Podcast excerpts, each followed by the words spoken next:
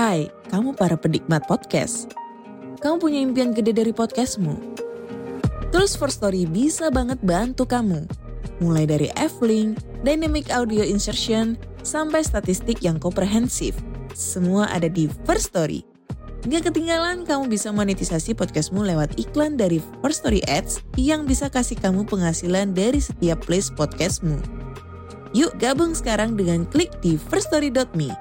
Sekali lagi, klik di firststory.me. Mari kita bawa mimpi podcastingmu menjadi kenyataan.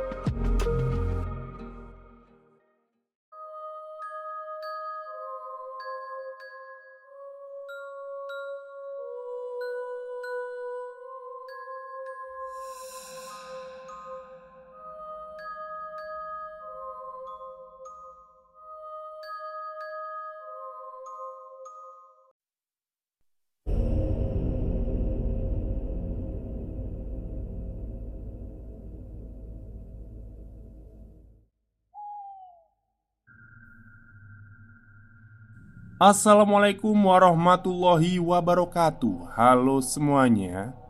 Jumpa lagi dengan saya Chow Sing Sing Kurator dari podcast horror Night Story. Halo apa kabar semuanya? Semoga kalian semua sehat-sehat ya. Dan seperti biasanya pada hari ini saya kembali Dan akan menghadirkan sebuah kisah mistis untuk kalian semua Kisah mistis kali ini saya datangkan dari treat horornya Mas Nufail Sadat Yang menceritakan tentang Balasan pesugihan juragan emas Berdasarkan kisah nyata. Oke daripada kita berlama-lama Mari kita simak ceritanya. Kisah ini saya tulis berdasarkan kejadian yang pernah terjadi di wilayah saya tinggal tepatnya di Subah, Batang, Jawa Tengah. Banyak orang mengenalnya dengan Alas Roban. Untuk sekedar informasi, wilayah di mana saya tinggal itu bila dilihat dari atas, jalur pantura Alas Roban ini seperti membentuk ular besar. Kebetulan wilayah saya ada di bagian perutnya. Dan dari sejarah yang banyak ditulis, Memanglah wilayah kami ini termasuk salah satu pusatnya kerajaan jin yang ada di jalur alas roban ini. Kelak saya akan menceritakan bagaimana para ulama kiai dan para warga akhirnya memindahkan kerajaan mereka Sehingga sekarang wilayah kami sudah tak terlalu semengerikan dan angker seperti saat itu Saat saya masih sekolah SLTP BTW sekarang saya udah usia 39 tahun ya. Jadi otomatis kisah-kisah yang akan saya ceritakan adalah kisah yang sudah lama terjadi. Baiklah. Cukup pengenalan dan infonya agar kalian bisa memahami cerita saya. Nama saya Nufail Dan ketika terjadi kisah ini Saya masih SLTP kelas 2 Jadi pada saat hari kejadian Desa di mana tempat saya tinggal ini sedang hujan lebat. Namun, semuanya biasa saja seperti hari-hari biasanya. Saya yang biasanya keluyuran, hari itu lebih memilih untuk asyik di rumah saja, bermain sama kawan-kawan seusia dengan potongan-potongan gambar. Ya, permainan anak-anak waktu dulu lah. Singkat cerita, hujan sudah reda dan mulai ada banyak orang yang keluar rumah, termasuk anak-anak seusia saya. Tapi ada yang aneh menurut saya. Kenapa tiba-tiba ada banyak orang seperti tertarik untuk melihat genangan air di jalan raya dekat wilayah saya? Jadi, di jalan raya Pantura, sebelah barat desa saya ini ada sebuah jembatan jalan raya. Ukuran sungainya kecil, Kira-kira dengan dua atau tiga lompatan orang dewasa Sungai itu bisa dilewati, namun karena posisinya membelah jalan raya dan ada di bawah jalan raya, sehingga mau tak mau tetap dibuatkan jembatan, walaupun ukurannya kecil. Jalan Pantura waktu itu pun belum selebar sekarang.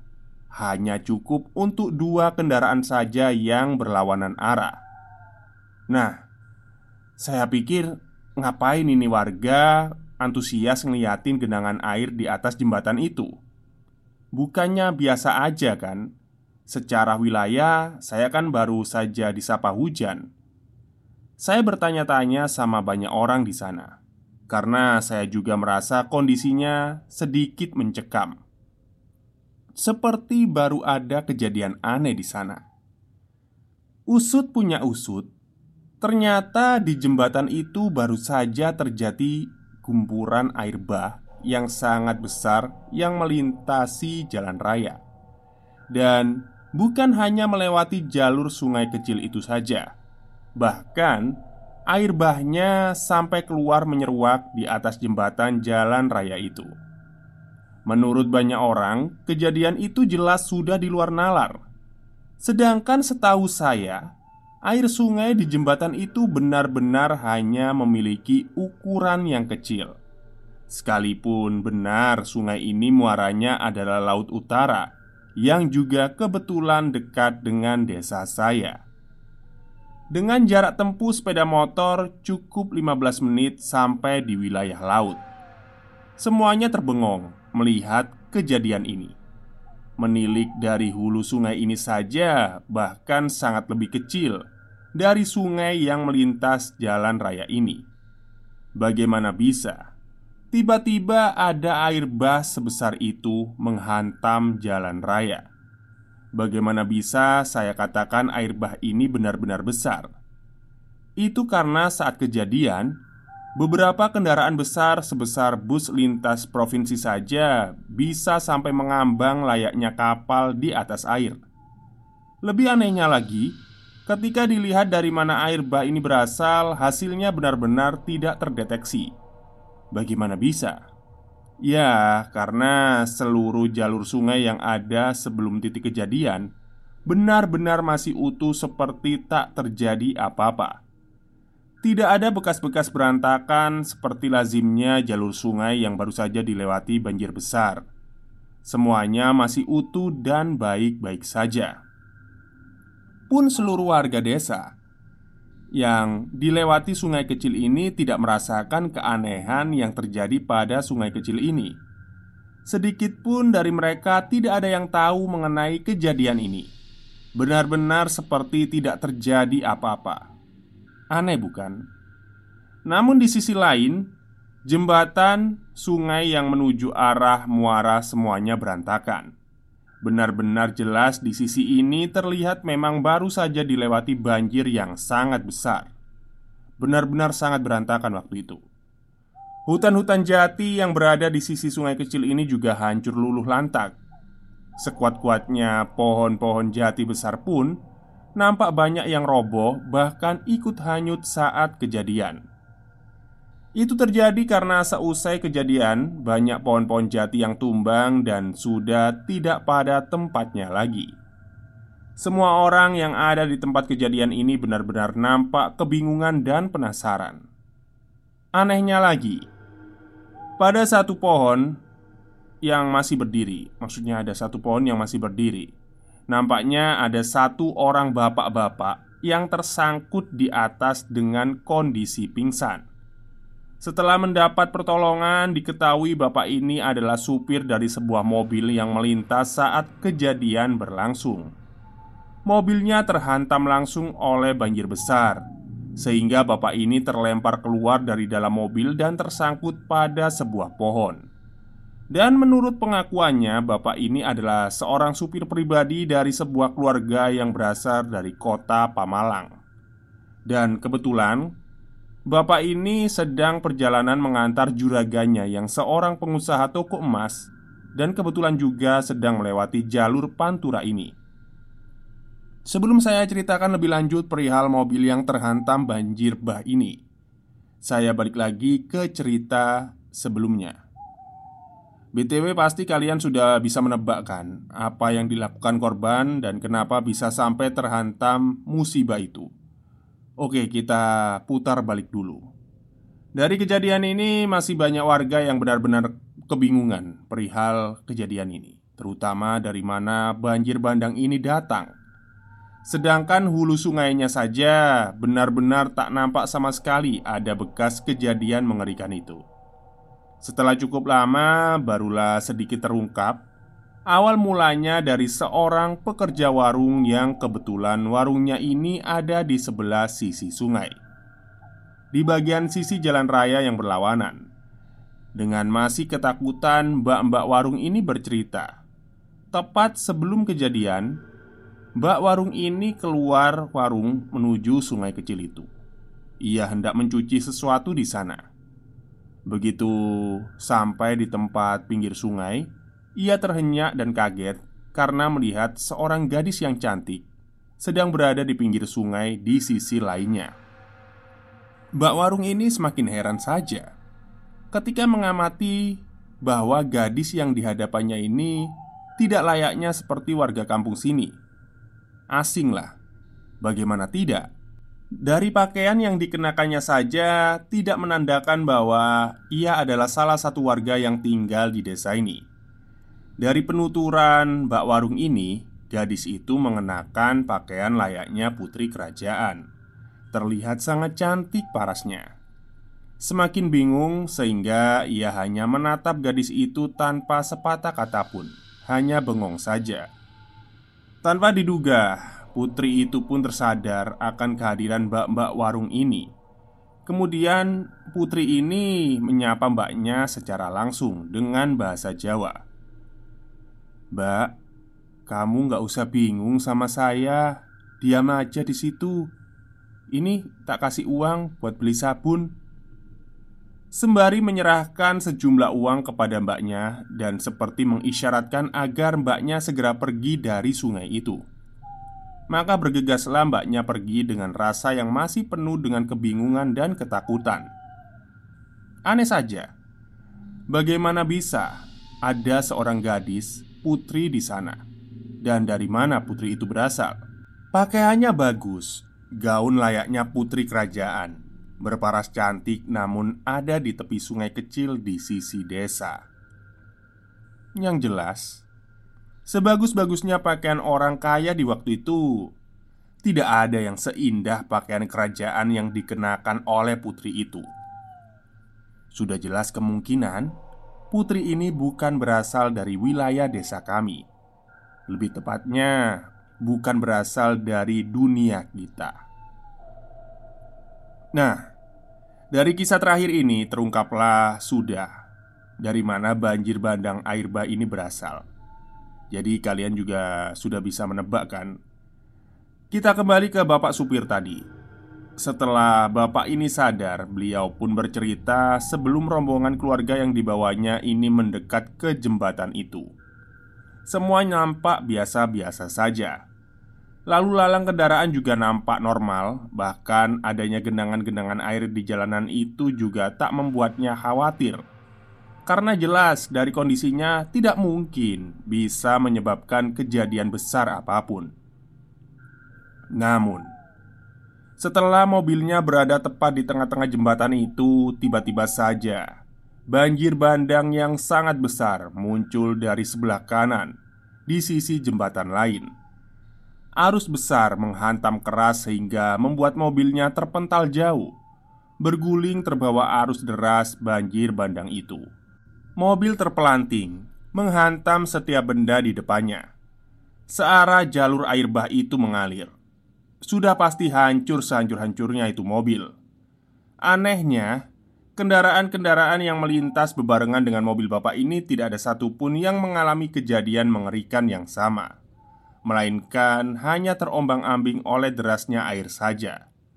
Walhasil, hanya mobil bapak ini saja yang hancur terhantam air bah itu. Dan seluruh penumpang atau keluarga bos emas yang disupiri oleh bapak ini ikut hanyut dengan kerasnya aliran air bah yang menghantamnya. Pengakuan sang bapak supir saat itu bosnya membawa penuh kekayaan uang termasuk berkoper-koper emas bersamanya Namun, seusai kejadian Tidak satu pun hartanya dan emas-emasnya yang berhasil ditemukan Seolah semuanya lenyap begitu saja Dan dari seluruh keluarga yang ada di mobil, tak ada satupun yang selamat alias tewas. Kecuali bapak supir yang ditemukan tersangkut di atas pohon tempat kejadian. Ada banyak warga yang ikut membantu pencarian korban yang tak selamat ini. Sekalipun ada pula beberapa warga yang memanfaatkan untuk mengambil beberapa potongan-potongan kayu jati yang roboh akibat air bah itu. Hingga berlangsung lama pencarian dilakukan Menempuh seluruh jalur sungai dari TKP hingga muara laut utara Dari keseluruhan korban Hanya jasad keluarga bosnya saja yang ditemukan Dengan kondisi yang sangat mengenaskan Dengan kondisi tubuh yang parah Karena terseret derasnya air bah dan menghantam benda-benda keras yang ikut hanyut di situ. Kalau kalian pernah melihat ilustrasi korban-korban bencana tsunami Aceh, maaf ya. Nah, itu hampir sama persis lah kondisi mayatnya seperti itu. Tubuh berantakan dan begitu banyak luka memar-memar di tubuh. Serta kulitnya mengelupas berwarna merah kehitaman berbalur darah segar. Beberapa mayat ditemukan di seluruh jalur sungai hingga muara. Namun jasad si bos bapak supir itu sama sekali tidak ditemukan di bagian jalur sungai mana pun. Seperti menghilang begitu saja. Walhasil dari keseluruhan tim dan warga yang mencari pun kelelahan dan menyerah untuk hari-hari itu Hingga beberapa hari setelah kejadian tiba-tiba saja tersiar kabar bahwa si bos ini sudah ditemukan jasadnya. Hanya saja yang lebih anehnya lagi, berita diketemukannya jasad bosnya ini tersiar setelah Kapolsek wilayah desa kami mendapat telepon dari kepolisian wilayah kota Jepara yang mengabarkan bahwa kemungkinan korban peristiwa di desa kami itu berkaitan dengan ditemukannya satu jasad mayat laki-laki parubaya di sekitar wilayah Laut Jepara oleh nelayan setempat. Aneh bukan? Saya pun merasa begitu. Sekedar info, menurut beberapa teman, bila mana seorang nelayan yang sedang melaut tiba-tiba menemukan mayat yang mengapung di sekitarnya, maka nelayan itu akan memilih pulang dan tak meneruskan kegiatannya. Karena menurutnya itu adalah hari yang sial. Dan sialnya lagi, si nelayan diharuskan untuk membawa pulang serta mayat yang ditemukannya agar dilaporkan kepada pihak yang berwajib. Setelah dikonfirmasi kebenarannya oleh Bapak Kapolsek wilayah kami Ternyata memang benar Mayat itu adalah si bos salah satu korban dari bencana air bah di desa kami sebelumnya Dan segeralah berita itu menyebar luas hingga sampai ke telinga keluarga besar korban di kota Pemalang Dan setelahnya barulah terungkap bahwasanya si bos ini adalah pelaku pesugihan yang bersinggungan melakukan perjanjian dengan kerajaan pantai selatan. Tahu kan siapa penghuni pantai selatan? Dan dari cerita yang sudah-sudah katanya si bos ini terakhir tidak melaksanakan perjanjiannya. Perihal pesugihan pasti akan ada perjanjian antara tumbal korban yang akan diserahkan kepada tuan perjanjian. Karena si bos ini mungkin ingkar ya Sehingga ia ditagih langsung oleh sang penguasa Laut Selatan Dan dikirimlah jasadnya melalui jalur Laut Utara hingga ke jalur Laut Selatan. Perihal putri cantik yang di awal saya ceritakan Kemungkinan itu adalah suruhan dari kerajaan Laut Selatan Yang ditugaskan untuk menagih tumbal secara langsung ke sang pelaku pesugihan.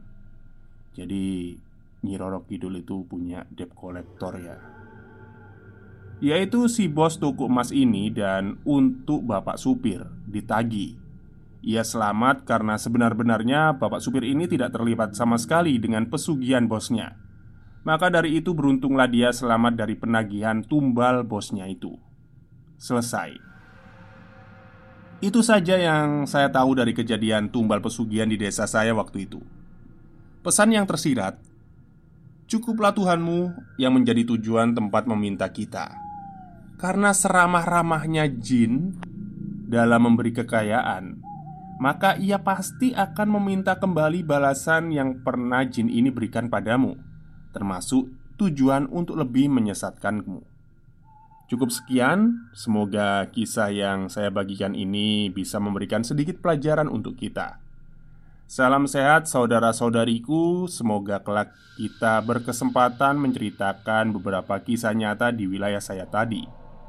Baik dari kisah kawan ataupun kisah saya sendiri. Matur nuwun. Oke, ngeri juga ya ditagih langsung ya sama debt kolektornya Ratu Pantai Selatan Karo debt kolektor sepeda motor sini kita masih masih bisa ngelawan ya. Waduh kalau ditagih seperti itu ya langsung dikirim banjir. Oke mungkin itu saja cerita untuk hari ini. Semoga kalian semua suka. Selamat malam dan selamat beristirahat